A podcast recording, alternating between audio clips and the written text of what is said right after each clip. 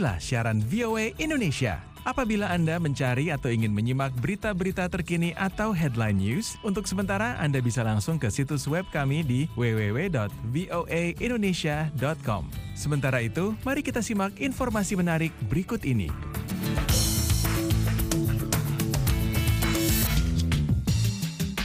Laporan yang diterbitkan Universitas Otago Pusat di Selandia Baru mengatakan anak-anak yang sekolah mulai usia 5 tahun menunjukkan kurangnya anak-anak mulai sekolah pada usia berbeda.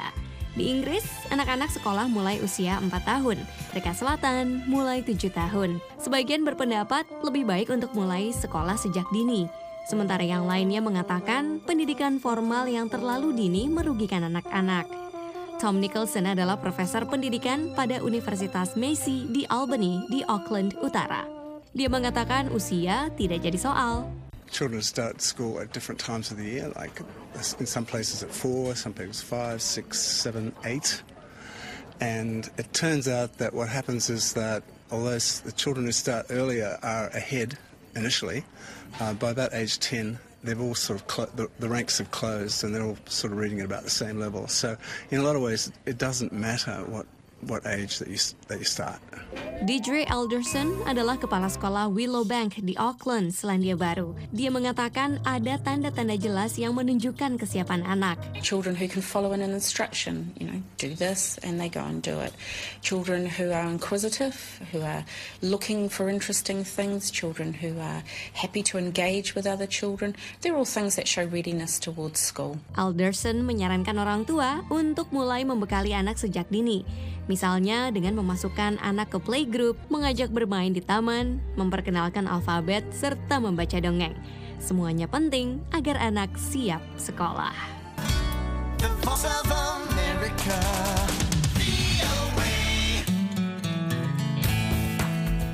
Inilah siaran VOA Indonesia. Apabila Anda mencari atau ingin menyimak berita-berita atau headline news, untuk sementara Anda bisa langsung ke situs web kami di www.voaindonesia.com. Sementara itu, mari kita simak informasi menarik berikut ini.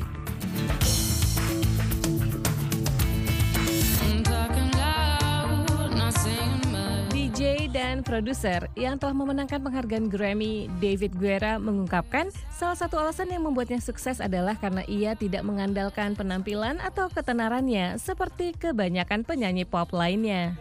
There's something is different for me because I don't really rely on my fame, like my look, my really like I'm behind.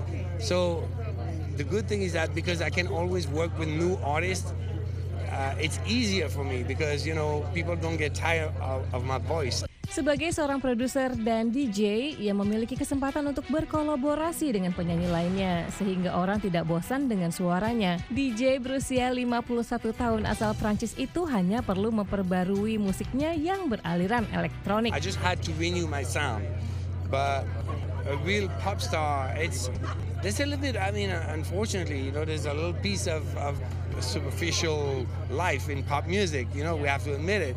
I mean, we all here for the music, but it's not only the music.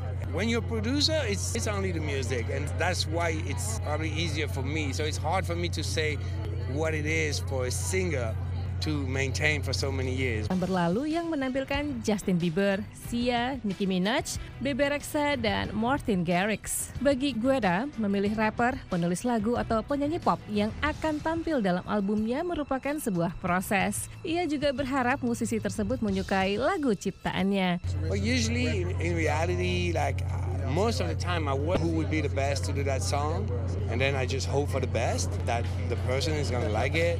Sebelum merilis Seven, Guerra menciptakan Titanium yang dibawakan Sia, Memories yang menampilkan Kid Cudi, dan Where Them Girls At yang dibawakan Nicki Minaj dan Florida. Sekian info musik kali ini, Lea Johannes, VOA Washington.